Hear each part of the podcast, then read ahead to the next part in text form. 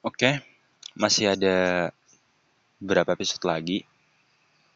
Nikmatin aja ya, ini masih ada dikit lagi kok. Udah 1, 2, 3, 4, 5, 6, 7, 7. Lihat ini prinsip ke-8, yaitu self-love. Self-love itu mencintai diri sendiri ya. Artinya kita tuh nggak bisa mencintai orang lain kalau kita belum berdamai sama masa lalu kita, belum belum tenang sama masa depan kita. Pikiran itu adalah sumber terbesar kita membuat keputusan. Hati pun dia.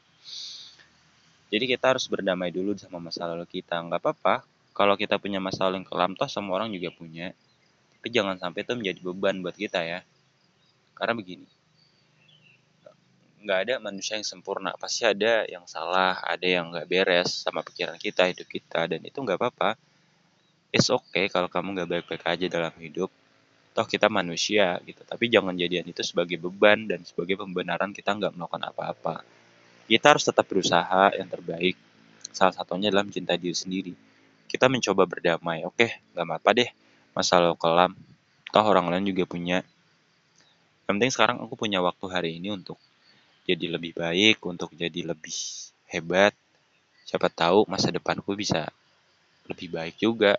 Nggak seperti yang aku pikirkan sekarang gitu jadi jaga baik-baik deh pikiran kamu, jangan sampai tercemar sama hal-hal buruk. Dengan pikiran positif, hati yang baik, kita bisa berinteraksi sama orang gitu. Bawaannya vibes positif gitu loh. Semacam apa ya? Magnet mungkin. The power.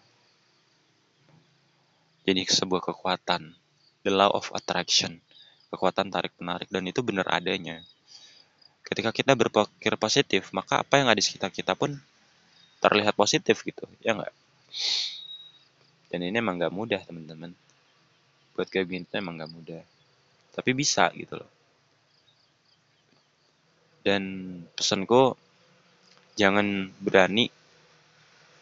Jangan coba-coba mencintai orang lain kalau kamu belum mencintai diri sendiri